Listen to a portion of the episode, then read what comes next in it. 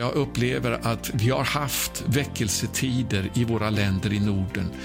Men vi har också sårat Herren för vi har inte fullt förstått den tid då Gud har kommit på besök. Jag ville bara väcka er tro nu att vi kommer att få se svar på våra böner i den här bönerörelsen. Han har slagit oss, han skall också förbinda oss. Vi ska förvänta oss det. Vi ska se fram emot det. Vi ska inte bara be, utan vi ska också tacka honom för att han svarar på våra böner. Vi är så tacksamma till var och en av er som stöder vårt växande bönarbete ekonomiskt. Alla sätt att ge i de olika länderna hittar du på vår hemsida norden714.com. Glöm inte att prenumerera, ringa klockan och dela vidare. Vi vill nå ut till så många som möjligt. I dessa osäkra tider utökar vi nu till nya plattformar. Följ oss på Rumble, BitChute och MeWe eller som podcast på Soundcloud och iTunes. Se beskrivningen nedan hur du kan gå igenom en gratis böneskola och bli en del av 10 000 bedjare för andligt genombrott och väckelse i Nordens länder. Gud välsigne dig. Kära bedjare i Norden 714, jag är så tacksam till var och en av er som beder i den här bönerörelsen. Det närmar sig nu tider då vi kommer att få se, tror jag, ganska snart eh, en början på svaren på alla våra böner som vi har bett under de här tre åren som vi har hållit på nu. Och Det budskap som jag har den här veckan det har jag gett titeln Tiden för Guds besök. Eh, jag hoppas att det kommer att uppmuntra dig till att be ännu ivrigare. Och jag ska börja med att läsa ifrån eh, Lukas kapitel 19 och vi ska läsa ifrån vers 41 till 44. När Jesus kom närmare och såg staden, det är Jerusalem alltså som det handlar om här, så brast han i gråt över den och sa Tänk om du idag hade förstått också du vad som ger dig verklig frid. Men nu är det dolt för dina ögon. Ty det ska komma dagar över dig när dina fiender kastar upp en belägringsvall runt dig och omringar och ansätter dig från alla håll. Det ska slå dig och dina barn i dig till marken och skall inte lämna kvar i dig sten på sten och så kommer det som jag vill stanna för här den här eh, i budskapet den här veckan. Därför att du inte förstod den tid då Herren besökte dig. Eller då Herren besöker dig. Det är så att väckelse kan vi definiera som eh, den tid då Gud kommer på besök. Och när vi ser tillbaka i historien så kan vi se att Gud har haft sådana tider vid olika tillfällen då han har kommit på besök och eh, det har blivit väckelse. Och det, det här som talas, det talas om nu i den här texten, det handlar ju om den tiden då Jesus kom första gången och det var ju en tid med en oerhörd väckelse eh, i Israel. Eh, vi kan ju läsa till exempel ifrån Matteus kapitel 11 och jag ska läsa där faktiskt ifrån 1917 års översättning därför att det står lite annorlunda i folkbibeln men jag tror att eh, 1917 års översättning är mer korrekt här. Det står i vers 12 i Matteus från Johannes döparens dagar in till denna stund tränger himmelriket fram med storm och människor stormar fram och rycker det till sig. Ja, alltså det var en tid eh, av en besökelse här i Israel då eh, Johannes döparen började med sin förkunnelse ute i Judaöken, i Jordanfloden. Och det står ju om det tidigare i eh, Matteus evangelium. Jag ska läsa ifrån kapitel 3, de första verserna där. Vid den tiden trädde Johannes döparen fram och predikade i Judeens öken och sa Omvänd er, ty himmelriket är nära. Jag hoppar fram till vers 5 eh, och läser Jerusalem och hela Judeen och hela landet kring Jordan kom ut till honom och bekände sina synder och döptes av honom i floden Jordan. Vilken besökelsetid, vilken väckelsetid det var. Folket kom i skaror ut till Johannes döparen i öknen vid Jordanfloden för att bekänna sina synder och döpa sig i floden Jordan. Det var en förberedelsetid för Jesu första ankomst. Eh, men alla förstod sig inte på den besökelsetiden och speciellt så var ju ledarskapet i Jerusalem inte öppen. Det läser vi om det gång på gång i evangelierna att eh, till och med publikaner och skökor och syndare eh, rusade in i Guds rike men de skriftlärda och fariseerna till största delen de eh, ansåg sig inte behöva den där väckelsen. De tyckte de var bra som, som de var. Och därför så kom den här domen sedan över Jerusalem när Jesus grät över stan och sa, hade du bara förstått vad som ger dig frid men nu så kommer det svåra tider, det kommer en dom. Jerusalem, du kommer att förstöras och jämnas med marken därför att du inte tog vara på den tid då, du var, då Herren kom på besök. Eh, därför att du inte förstod, står det här i folkbibeln, eh, översättningen 1998. Därför att du inte förstod den tid då Herren besökte dig. Jag ska tala lite grann ifrån egen erfarenhet, eh, vad jag har fått vara med om utav eh, besökelsetider ifrån Herren och hur det har föregåtts utav bön. Jag föddes 1952. Jag har ju ingen minne utav de första åren på 50-talet men vi kan ju läsa om det i historieböckerna att i början på 50-talet så var det en besökelsetid i Sverige och i Skandinavien. En av de förkunnarna som Gud använde på ett mäktigt sätt var en ung man som hette Algot Niklasson. Det berättas om honom att han kunde samla den största kyrkolokalen i Sverige på den tiden, Philadelphia kyrkan i Stockholm. Han kunde fylla den till sista plats med tusentals människor eh, på ett lunchmöte en vanlig måndag. Det var eh, väckelsetider, det var många människor som sökte Gud eh, under tårar, bekände sina synder. Det var det som markerade den väckelsen. Därför så kallade man honom för Skandinaviens Johannes döparen. Den här mannen Algot Niklasson. Han hade precis som Johannes döparen en väldigt kort tjänst innan han eh, eh ja, hans stora förkunnartjänst tog slut ganska så snart. Och Vi ska inte gå in på varför det hände, men det var en speciell besökelsetid då i början av 50-talet. Eh, och när jag var liten så vet jag, min far var pastor. Jag minns en eh, när jag var ungefär 5-6 år gammal. Min, pastor, eh, min far han var alltså pastor i Svenska Missionsförbundet men jag minns ett så kallat alliansmöte då vi hade möte på Folkets hus i södra Dalarna Eh, tillsammans med de andra församlingarna i trakten. Och eh, jag kommer än ihåg när jag gick därifrån den kvällen ifrån det där mötet. Det hade tydligen satt ett djupt intryck på mig. Och jag sa till min mamma då som ledde mig i handen att när jag blir stor då kommer jag antingen att bli frälsningssoldat eller pingstvän. För då hade jag fått smaka på någonting i det där mötet när eh, jag tror det var pingstpastorn som predikade och det var Frälsningsarmén som stod för sången och musiken. Det där gillade jag. Jag fick en kärlek till väckelse väldigt tidigt i mitt liv. Eh, men det jag minns däremot lite mer tydligt, det var det som hände i början på 70-talet.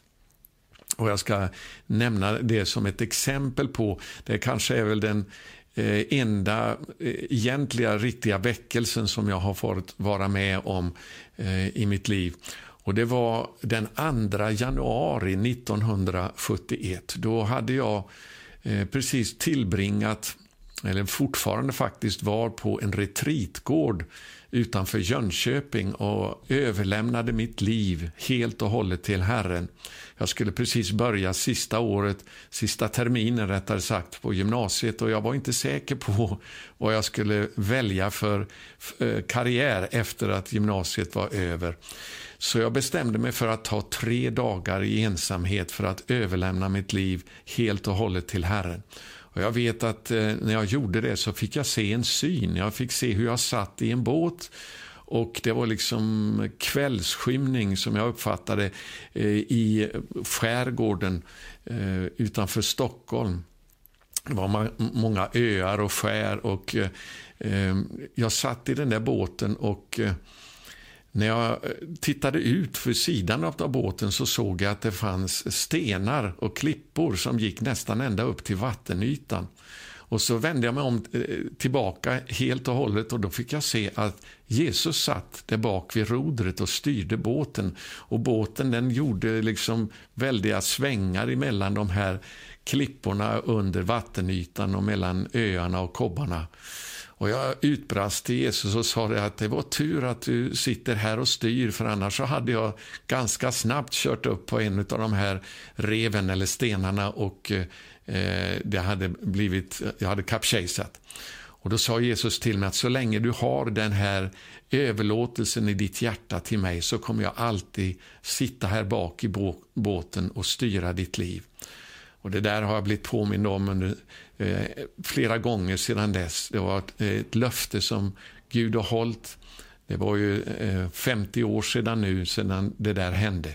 Den 2 januari 1971. och jag har fått vara med om hur mitt liv har gått, eh, inte spikrakt framåt, men den har liksom tagit olika svängar eh, åt olika håll. Men Herren har varit med i allt. Nåväl, vad som hände den kvällen, det var jag, visste jag ju ingenting om då, när jag överlät mitt liv till Herren. Men när jag kom tillbaka till eh, skolan igen efter eh, eh, trettondagshelgen, som det ju kallas för, eh, när terminen skulle börja, så var det med en gång jag fick höra från alla håll, har du hört vad som har hänt? Och då berättade man att den kvällen till exempel så hade två stycken såna här som man kallade för hippies på den tiden, de hade gått eh, på stan, det här var i Ulricehamn, där jag bodde utanför Ulricehamn då och gick i gymnasiet. Eh, de hade gått höga på narkotika utanför baptistkyrkan när de plötsligt fick för sig att de skulle titta in och se vad som pågick därför att det var en ungdomskonferens som hölls i baptistkyrkan. När de kom in genom dörrarna så skulle man precis inbjuda människor till frälsning, att komma fram, alla som ville ta emot Jesus och bli frälsta. Och de här eh, hippisen, de tittade på varandra och sa kom, vi vi går fram. Och så gick de fram, de visste väl knappt vad de gjorde, men de överlämnade sitt liv till Jesus och blev radikalt frälsta, eh, fria från narkotika och eh, Det där var ju någonting som väckte uppståndelse. Och samtidigt så var det så att flera ifrån eh, kristna gymnasistföreningen, eh, kristna föreningen på gymnasiet, hade varit på ett läger tillsammans med Ylva Eggehorn och blivit andedöpta. Så alltså, det blev en väldig eh, andlig rörelse kan man säga eh, som eh, drabbade väldigt många ungdomar i Ulricehamn den sista terminen. Och jag har sagt ibland att eh, under den terminen, alltså de första fem, sex månaderna 1971 så tror jag 20-25 procent av ungdomarna i Ulricehamn Eh, det är kanske en liten överdrift, men det var väldigt många som gick fram antingen i eh, baptistkyrkan, i missionskyrkan eller i pingstkyrkan för att eh, ta emot frälsning. Och vi fick be med så många människor till frälsning. Så det var en besökelsetid som kom suveränt och det var ju en del av det som man kallade för Jesusväckelsen eller Jesusrörelsen. Under några år i början på 70-talet så var det väldigt många ungdomar och även äldre som kom till tro. Det, samtidigt som den här ungdomsväckelsen pågick så eh, var ju också den karismatiska väckelsen då igång. Och Det var en, en tid i början på 70-talet utav en väckelse. Claes-Göran Bergstrand som ju har varit med i en del sammanhang i, den här, i de konferenser vi har haft i Norden 714. Han har ju erfarenhet av både Jesusväckelsen och den karismatiska väckelsen i början på 70-talet. Men det jag vill framför allt nu berätta om för att uppmuntra er alla som ber nu, det är det jag har fått se efter det, hur Gud har svarat på bön och sänt eh, väckelsetider. Eh, och det var ju så att efter då jag slutade gymnasiet så eh, kom jag i kontakt med Jesusrörelsen från USA och även då i Sverige och blev en del av ett eh, Eh, en verksamhet som flyttade till Småland och hade, vi hade en gård där utanför Värnamo som hette Jutatorpet och där så hade vi evangelisationsteam som reste ut i Sverige och Norge speciellt och vi fick se väldigt många människor komma till tro. Speciellt i Norge. Jag kommer ihåg när vi besökte eh, till exempel Stavanger på västkusten i Norge och vi hade möten i metodistkyrkan där. Det var fullsatt varenda kväll. I själva verket man fick stänga eh, och låsa dörrarna till kyrkan redan innan mötena skulle börja, därför det var så mycket folk. Och vi bad för speciellt ungdomar till frälsning och till andedop varenda kväll så länge vi fick hålla på. Till dess att vaktmästaren eh, ropade och sa att nu måste jag gå hem Eh, det var runt midnatt och ni får komma tillbaka imorgon kväll igen. Och så fick vi utrymma lokalen och fortsätta att be sedan för människor till frälsning eh, kvällen därpå. Och så fortsatte det. Det var en väckelsetid. Många människor kom till tro. Men vad som hände det var att eh, efter några år så började det där ebba ut. 1977 så kallade Herren mig och min familj, min fru och vår äldsta dotter att eh, åka över till USA. Vi fick en inbjudan att eh, vistas en tid i en församling i St. Louis i Missouri, i hjärtat av USA. Eh, och jag hade kommit till ett vägskäl i mitt liv. Jag var inte säker på vad Gud ville att jag skulle göra eh, med min framtid. Min längtan var faktiskt att få eh, bli kvar i USA och skaffa mig en teologisk utbildning för jag förstod att Herren hade kallat mig till att predika. Men det blev inte så. Jag, jag, tog eh, och satte åt sidan tre dagar till bön och fasta i oktober 1977. Och En del av er har säkert hört mig berätta om det här, men vad som hände var att en av de dagarna, jag kommer inte ihåg vilken av dagarna det var, men när jag bad eh, så blev jag plötsligt så överväldigad utav en längtan, en intensiv längtan måste jag säga, som kom över mig. Det var helt övernaturligt måste jag säga. Jag, blev så, eh, jag fick en sån intensiv brinnande längtan att få se väckelse igen. Och det var precis som jag kände att livet är inte värt att leva om jag inte får se väckelse igen. För nu hade det jag såg i början på 70-talet, det hade upphört. Det var ju då jag gick ut i heltidstjänst och var ivrig för Herren. Men nu såg jag inte längre den här rörelsen på samma sätt. Så jag började ropa till Herren och jag, jag sa till Gud, Herre, jag släpper dig inte med mindre än att jag ser dig sända en väckelse igen. Och jag hade inte mer än uttalat de orden. Faktum är att när jag hade sagt de här orden så blev jag lite uppskrämd för jag tänkte, vad är det jag säger för någonting egentligen? Det här är ju ganska allvarligt när jag, när jag lovar att inte släppa Gud förrän han sänder väckelse. Så i alla fall så Herren avbröt mig och sa, jag kommer att sända en väckelse som kommer att bli mycket större än den ni någonsin har sett tidigare i hela historien. Men det kommer enbart att ske i samma utsträckning som ni ber. Och jag var helt förbluffad. Jag, jag mediterade över de här orden och började fråga Herren. Jag sa, jag har aldrig förstått att det är på det sättet det fungerar, att eh, det är genom bön som du sänder väckelse. Så jag gjorde en överlåtelse till Herren och sa, om det är på det här viset, då vill jag bidra med så mycket jag kan för att eh, ägna mitt liv åt bön för att få se den här väckelsen. Och Herren började då visa mig hur en väckelse skulle komma till Skandinavien, till Nordens länder och sedan sprida sig därifrån ner över Europa. Eh, och han sa till mig att de närmaste, den närmaste tiden nu så kommer det att bli bara värre istället för bättre.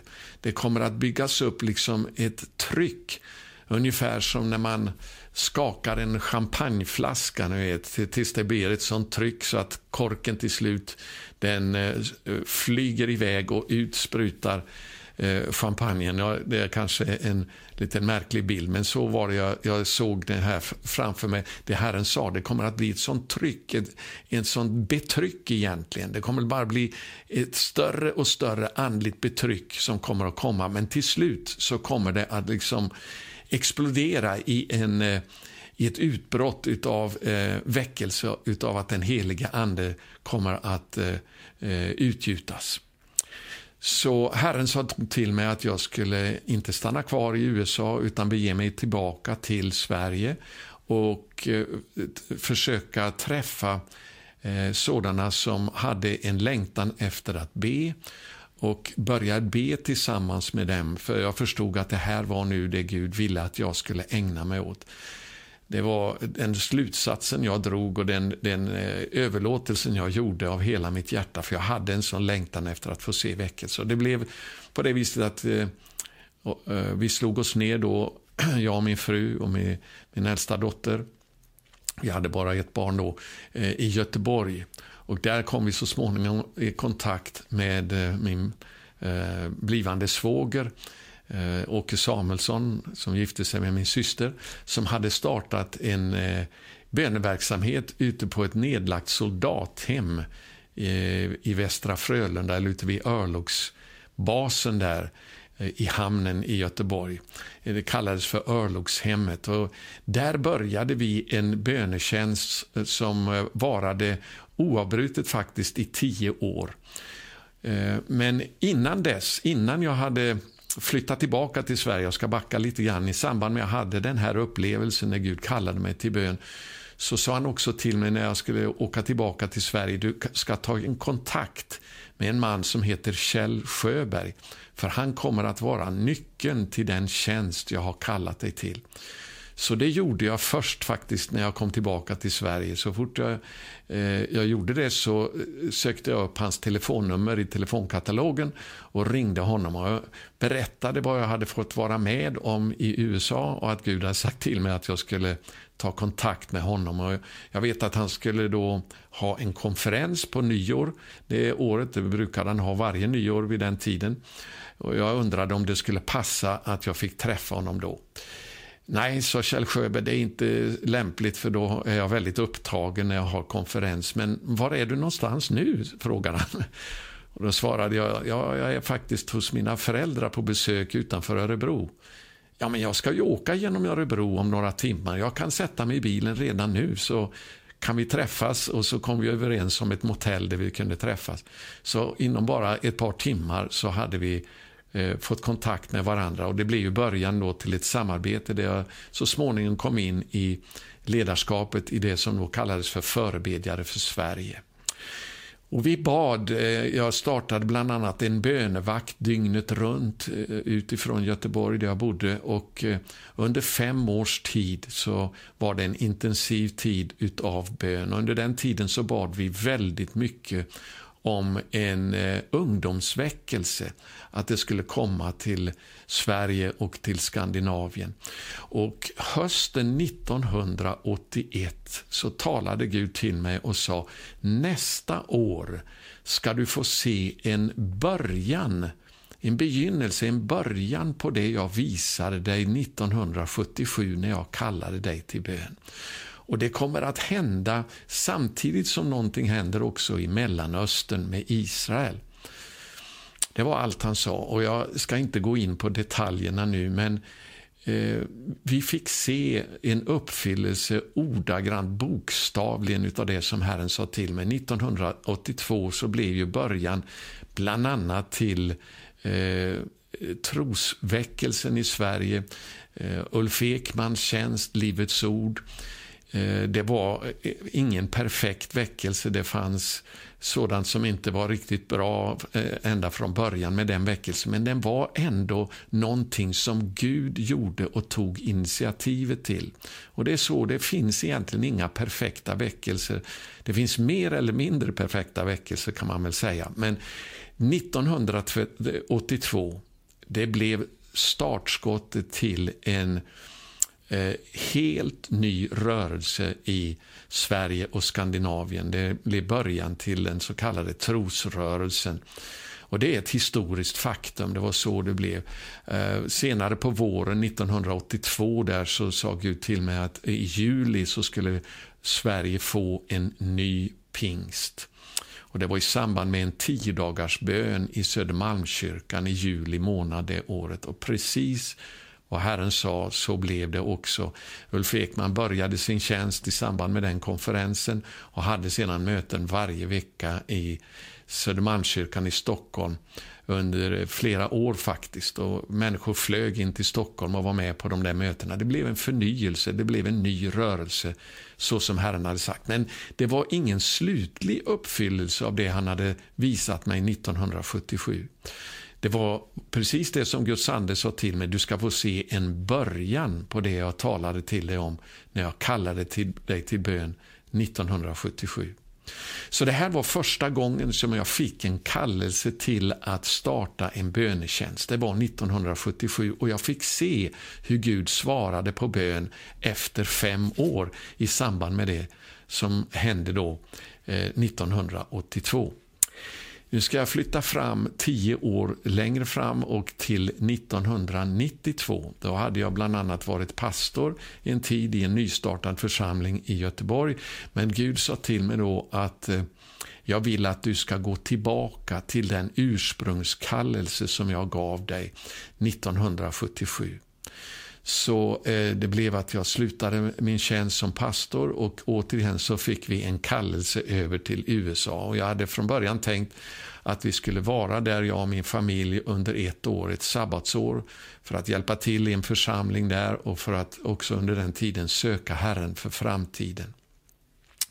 Men under det året så överraskade Herren mig genom att kalla mig till att resa upp ett bönarbete som vi kallade för The Watchman International.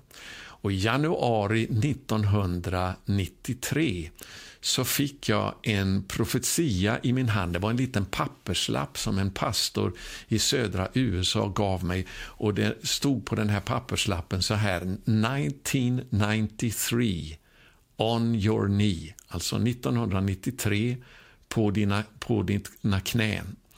1994, I will open the door. 1994 så ska jag öppna dörren. 1995, My Church will come alive. 1995 så kommer min församling att få nytt liv. Och Jag hade ju som sagt var inte tänkt att jag skulle stanna i USA eh, mer än ett år. Men när jag fick den där profetian så kände jag Guds kallelse att jag, jag sa det offentligt då när jag startade min bönetjänst, The Watchman International. Jag ska ge tre år till Amerika för att göra så mycket jag kan för att få människor att börja be. Därför här har Herren sagt att om Eh, två år, alltså 1995, så kommer vi eh, att få se hur församlingen i USA kommer att få nytt liv. Och Det som hände då det var faktiskt att eh, precis på hösten där 1992 så hade Bill Clinton blivit vald till president i USA. Och Han tillträdde ju då i januari 1993, precis när jag fick det här profetiska tilltalet.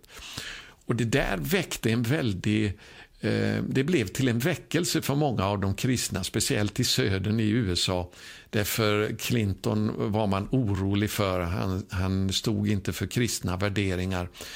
Och Jag brukade säga när jag hade mina böneskolor, för jag, det blev så att faktiskt genom Kjell Sjöberg som eh, kom på besök strax efteråt till grannstaten Alabama så presenterade man mig för alla deltagarna i en större konferens där och eh, eh, det gjorde att jag fick kallelse från alla håll att börja undervisa om bön. För Gud hade då eh, kallat mig till att starta den böneverksamheten, The Watchman International. Och eh, eh, det blev så att eh, jag upplevde då den här kallelsen att stanna kvar under de här åren.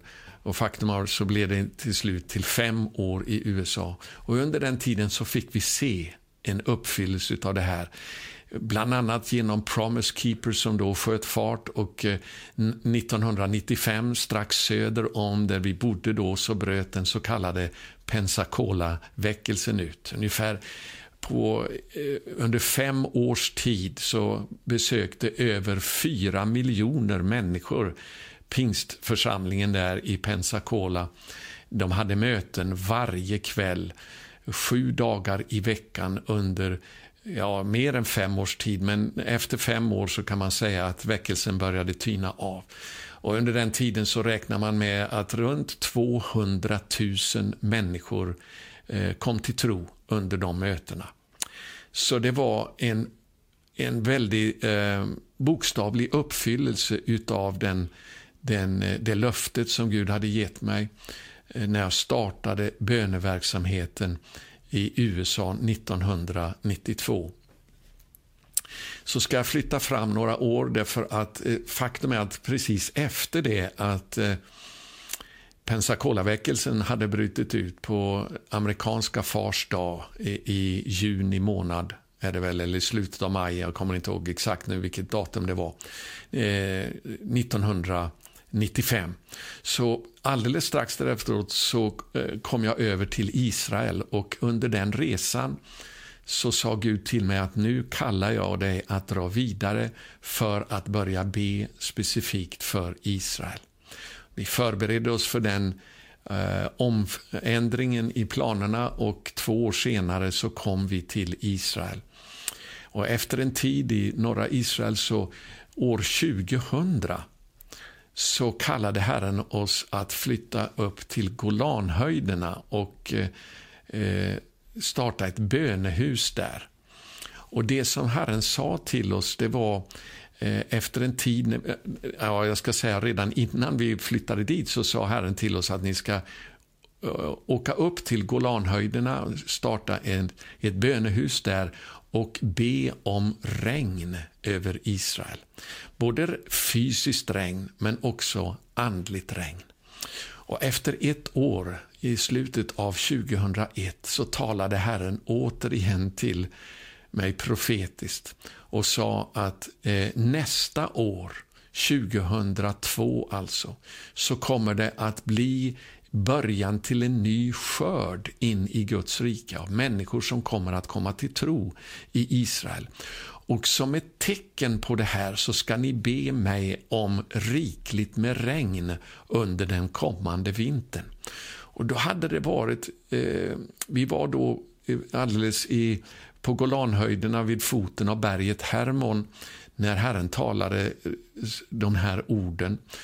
Och Då hade det varit en torka i Israel under sex år så att Genesarets sjö hade sjunkit till en väldigt katastrofalt låg nivå.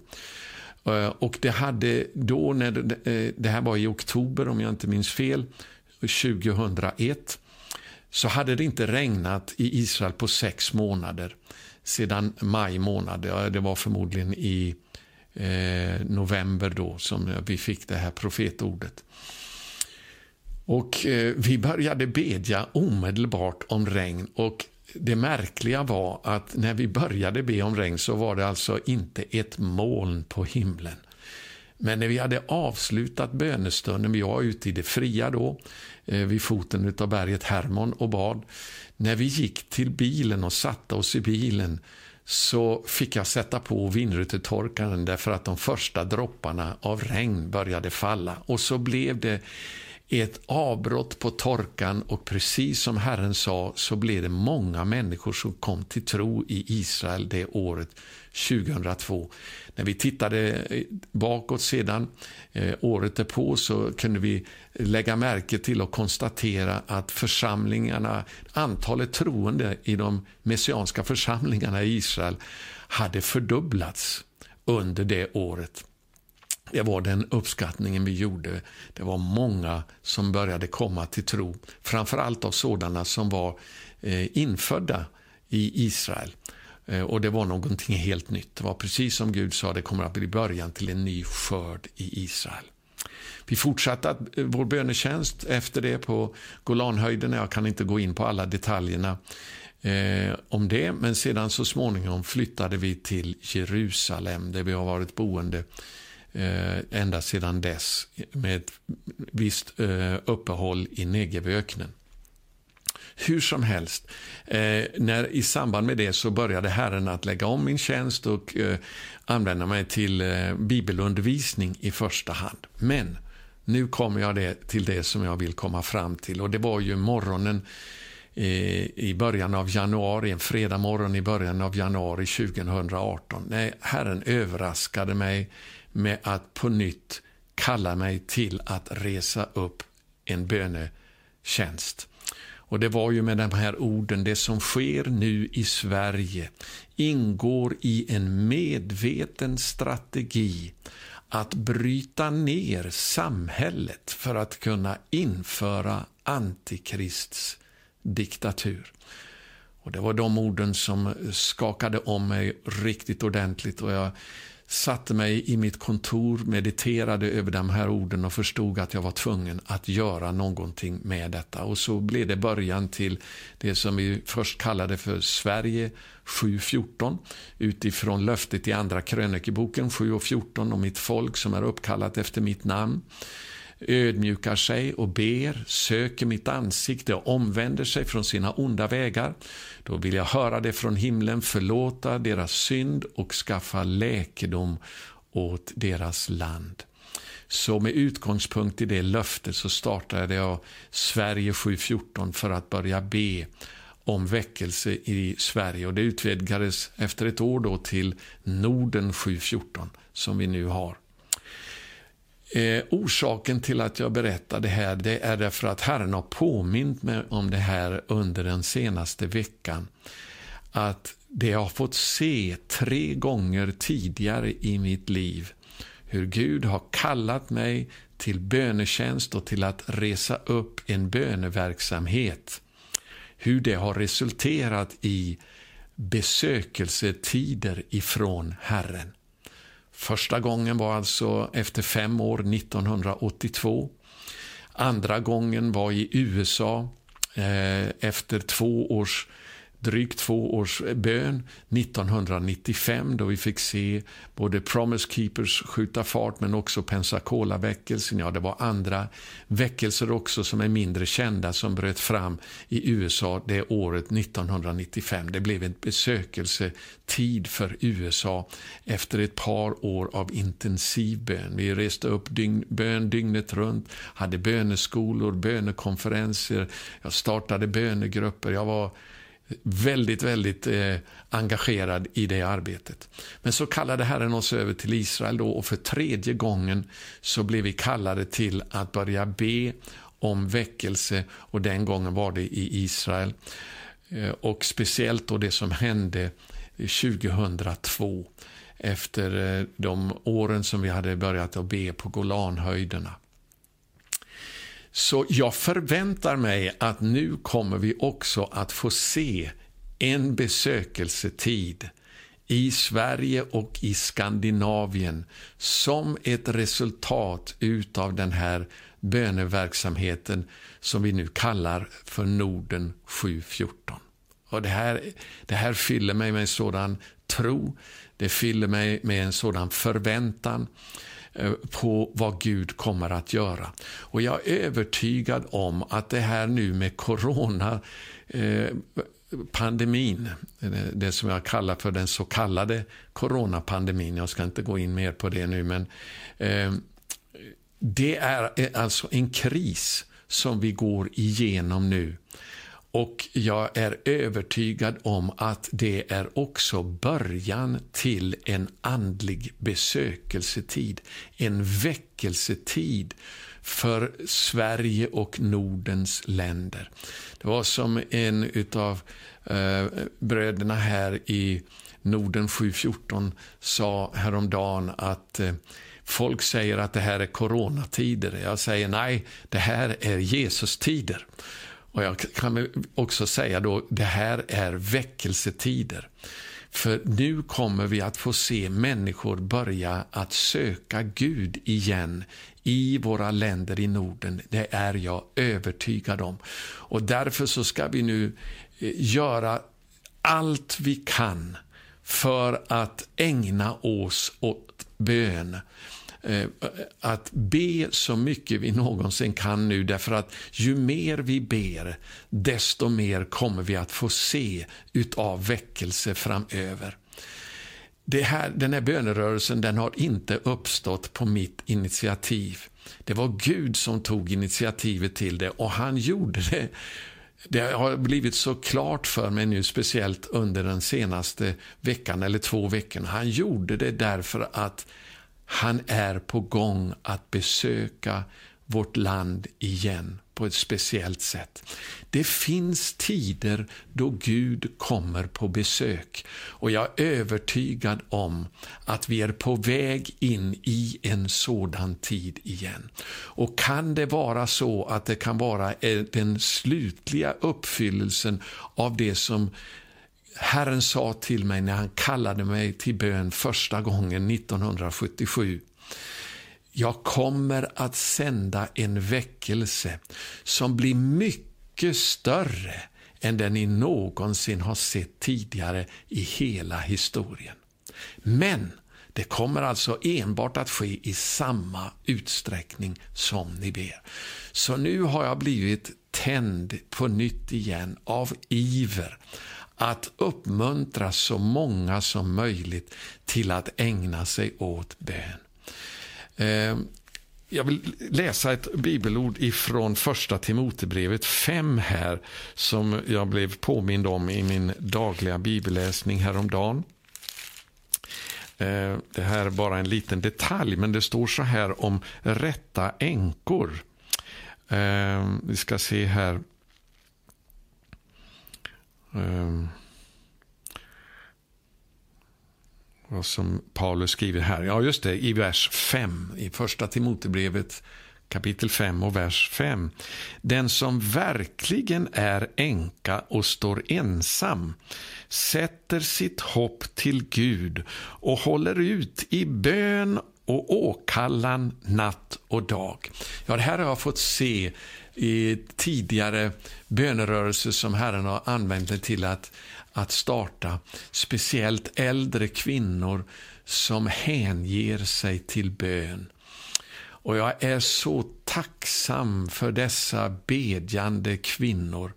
Ni är så värdefulla för Gud. För det är precis som Paulus skriver här, att speciellt sådana som är änkor, de har eh, blivit kallade till att ägna sig åt bön på ett speciellt sätt. Och det är en oerhört viktig tjänst. Det främsta exemplet på det här som jag känner till, det är ju det som vi läser om i Lukas andra kapitel, om profetissan Hanna. Eh, det står så här i vers 36. Där fanns också en profetissa Hanna, Fanuels dotter av Asers stam. Hon hade kommit upp i hög ålder. I sju år hade hon levt med sin man. Och På den här tiden så gifte man sig i de yngre tonåren, så det är möjligt att det här var efter sju år då i början, att hon var 20, 21, 22 år. Så hade hon alltså levt, eh, i sju år hade hon levt med sin man och den tid från den tid då hon var jungfru. Och så var hon nu änka, 84 år gammal. Så det här var förmodligen åtminstone 60 år som hon hade levt som änka. Och det står vad hon sysslade med här. Hon lämnade aldrig templet, alltså Guds hus, utan tjänade Gud med fastor och böner natt och dag. Hon bad för den här tiden för Herrens besök när Jesus kom första gången. Det bad hon fram genom sina böner och fastor natt och dag. Hon fick ju aldrig se uppfyllelsen av det här utan Eh, mer än att hon såg alltså när Jesusbarnet bars fram i templet.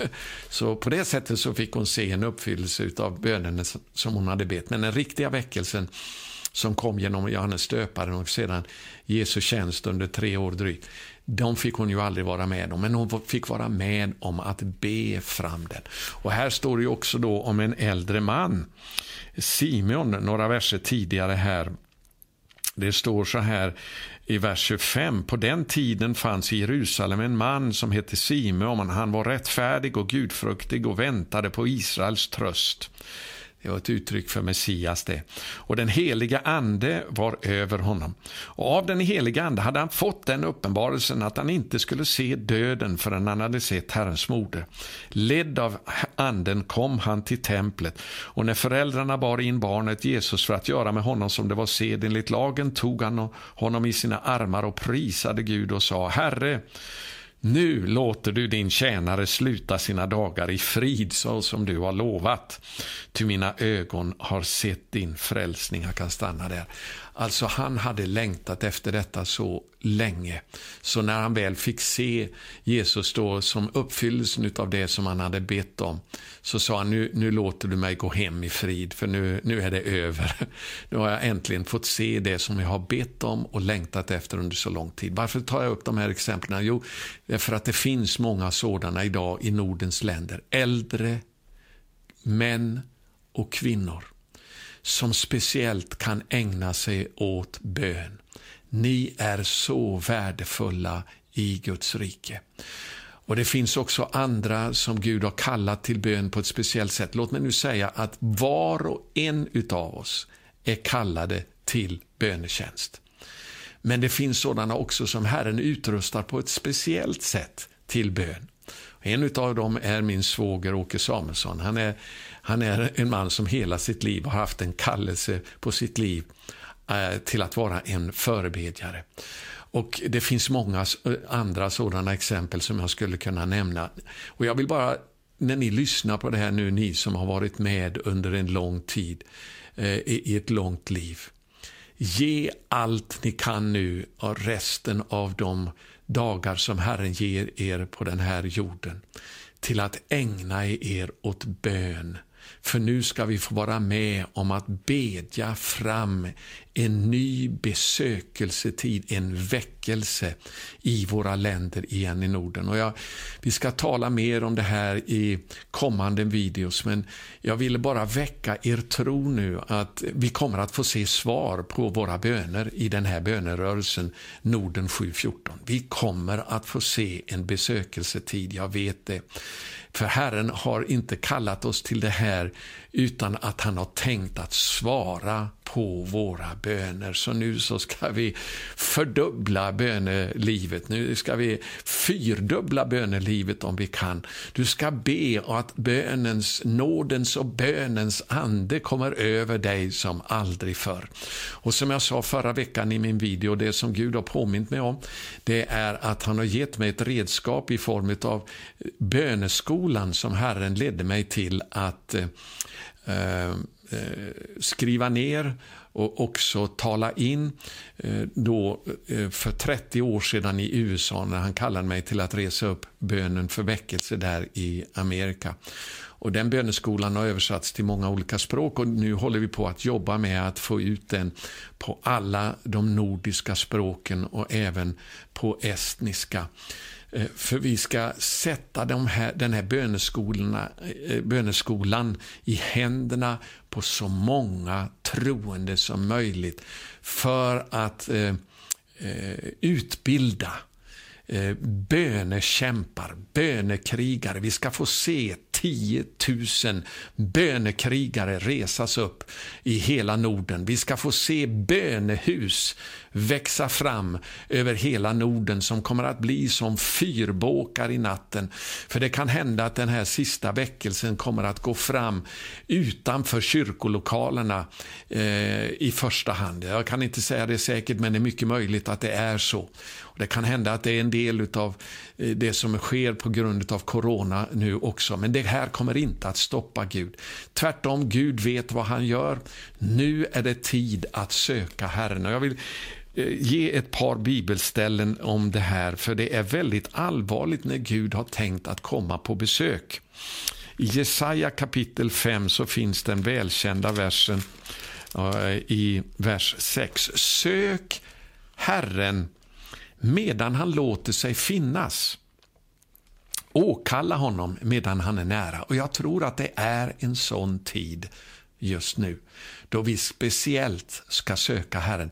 Därför att Herren är på gång. Han är på intågande i Nordens länder. Prisat vare Herrens underbara namn. Och Herren talade till mig förra veckan att det är just för en tid som denna som Herren har rest upp det här bönearbetet Norden 714. Jag trodde från början att det kanske var i första hand inför valet i Sverige 2018 men där misstog jag mig. Eh, därför vi fick inte se en fullbordan av bönerna vi bad då och därför så fick jag gå tillbaka och söka Herren på nytt igen. Och det är först nu som jag tycker pusselbitarna har börjat falla på plats. Det är nu som eh, i dessa krisens tider som vi går igenom. Det är för denna tid som Gud har kallat oss att resa upp ett bönearbete som kommer att skaka våra länder i Norden. I april så planerar vi nu att hålla vår nästa bönekonferens i Norge för att eh, också koppla samman det med 250-årsjubileet av Hans Nielsen Hauges eh, födelse. Hans Nilsen Hauge som fick vara med att eh, eh, skaka hela Norge och eh, föra skaror till tro. Och Det arvet det finns fortfarande kvar över Norge och vi ska koppla samman med det i vår nästa eh, bönekonferens som kommer att hållas i Norge eh, under temat När lejonet ryter. Eh, ifrån Amos kapitel 3 och vers 8. Vi har bett över det här nu en längre tid. Det har blivit uppskjutet på grund av coronan. Vi hade ju tänkt att ha det här i Eh, konferensen i slutet av januari. Men det är från Gud som det här har hänt. Det var inte tid då. Men nu upplever vi att eh, i april så räknar vi med att det kommer att vara moget för nästa konferens i det här bönenätverket. Och det kommer att eh, välsigna inte bara Norge utan hela Skandinavien och Norden. Och eh, den här böneskolan nu, den, den ska vi eh, utarbeta en nyupplaga utav. Vi håller på med det just nu och översätta den till de eh, olika språken i Norden. Jag kommer att spela in också eh, färsk ny undervisning i de olika lektionerna i böneskolan. Jag är så tänd på det här. Jag är så förväntansfull och jag är återigen så oerhört tacksam till er som ber i, tillsammans med oss i den här bönerörelsen.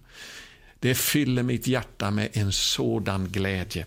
Jag ska läsa ett eh, Må Herren rikligen välsigna er när ni hänger er åt bön nu eh, som aldrig förr. Jag ska läsa också en bibelvers, eller några bibelversar ifrån Hosea bok. Eh, börja med den sista versen i kapitel 5. Det står så här i vers 15. Jag vill gå min väg, säger Herren jag vill vända tillbaka till min boning. Och Det här handlar ju speciellt då om Israel. Eh, det är kopplat till den här gråten som Jesus hade över Jerusalem. När han förstod att Jerusalem förstod inte tiden då Herren kom på besök första gången. Och därför så är det profeterat det som står här eh, vad som kommer att hända. Jag vill gå min väg. Jag vill vända tillbaka till min boning. Han blev ju bara några veckor efter det att han hade gråtit över Jerusalem upptagen till himmelen igen inför lärjungarnas åsyn. Men han sa också, eller änglarna sa till, till lärjungarna, ni kommer att få se honom komma tillbaka igen på samma sätt som ni har sett honom fara upp. Jesus kommer tillbaka igen. Och det, jag ska läsa det om det i den här versen. Jag vill gå min väg, jag vill vända tillbaka till min boning till dess de erkänner sin skuld. Ja, det kommer att komma en, en ånger över Israel. Nådens och bönens ande kommer att komma över Jerusalem som det står i Sakarja. Och det blir den slutliga stora väckelsen som kommer att föra Jesus tillbaka igen till jorden. Men det här är också ett löfte som gäller eh, Nordens länder. För jag upplever att vi har haft väckelsetider i våra länder i Norden. Men vi har också sårat Herren för vi har inte fullt förstått den tid då Gud har kommit på besök. Claes-Göran Bergstrand har lagt fram det här så väldigt tydligt i sin förkunnelse. Där, eh, under alltså den nordiska bönekonferensen vi hade i Solnahallen förra året, då han gick tillbaka över de eh, 40 åren som ligger bakom då han såg att gång på gång har Gud manat församlingen i Skandinavien till omvändelse, men man har inte velat lyssna. Så Herren har dragit sig tillbaka, det har varit en tid av andlig torka. Eh, men det står så här, jag ska eh, till dess de erkänner sin skuld och söker mitt ansikte. Och Det är det som Gud har börjat med nu att, att uppmana oss till att söka honom. Eh, och Det står så här, i nöden skall de vända sig till mig. Och Det är vad vi upplever nu med coronaepidemin eh, och pandemin som vi går igenom nu. Herren använder det här för att, sänka, eh, att skapa en nöd för att vi ska söka honom som aldrig förr. Och det är ju oftast så som väckelse kommer. Det kommer oftast utifrån en nöd.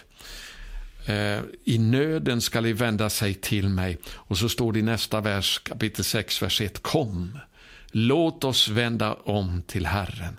Till han har rivit oss, men han skall också hela oss. Ja, det här gäller Israel i första hand, men det gäller också Skandinavien och Norden. Han har rivit oss, det har blivit så fruktansvärt nerrivet, eh, andligt sett, förfallet, avkristningen. Ja, det har gått så hemskt långt, speciellt i Sverige. Situationen är katastrofal idag. Men i nöden, står det, ska de vända om till mig. Och de ska säga, kom, låt oss vända om till Herren. Ty han har rivit oss, men han skall också hela oss.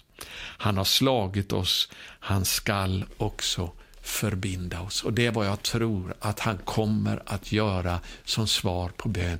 Vi ska förvänta oss det. Vi ska se fram emot det. Vi ska prisa och tacka Gud för att han ska svara på bön. För vi ska inte bara be, utan vi ska också tacka honom för att han svarar på våra böner. Men vi ska också ägna oss åt ännu mer intensiv bön för den här väckelsen som är på väg. Låt oss gå in i avslutningen här med att bedja tillsammans. Kära himmelske far, jag tackar dig för dina löften, att du är trogen ditt ord.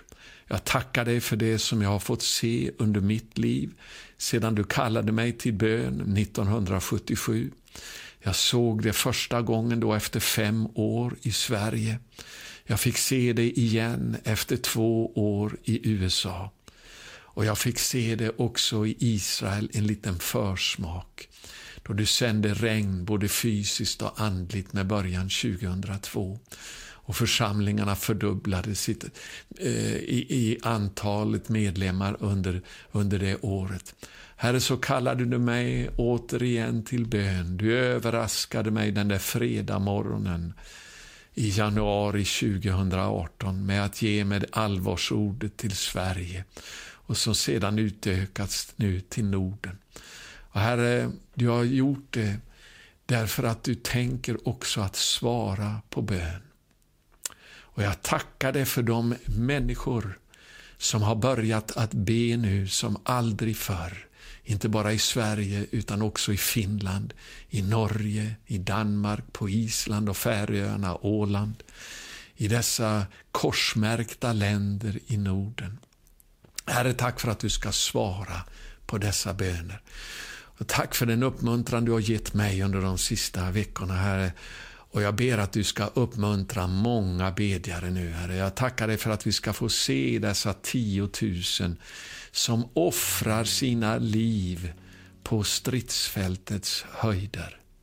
Halleluja. Jag tackar dig för att det är seger och att vi kommer att få se ett genombrott, ett andligt genombrott. Ja, jag vill tro att du ska knäcka ryggen på det demoniska förtryck som har rått över våra länder i Norden under så många år. Halleluja, jag tackar dig för att ditt namn är eh, större, det är över alla andra namn. Och att i det namnet så kan vi segra och driva fienden på flykten och få se människor i skaror komma till tro. Tack Herre, jag ber dig nu att du ska välsigna varje bedjare. Ber att den här bönerörelsen ska växa ytterligare. Den ska skjuta fart. Vi ska få se fler och fler bönehus.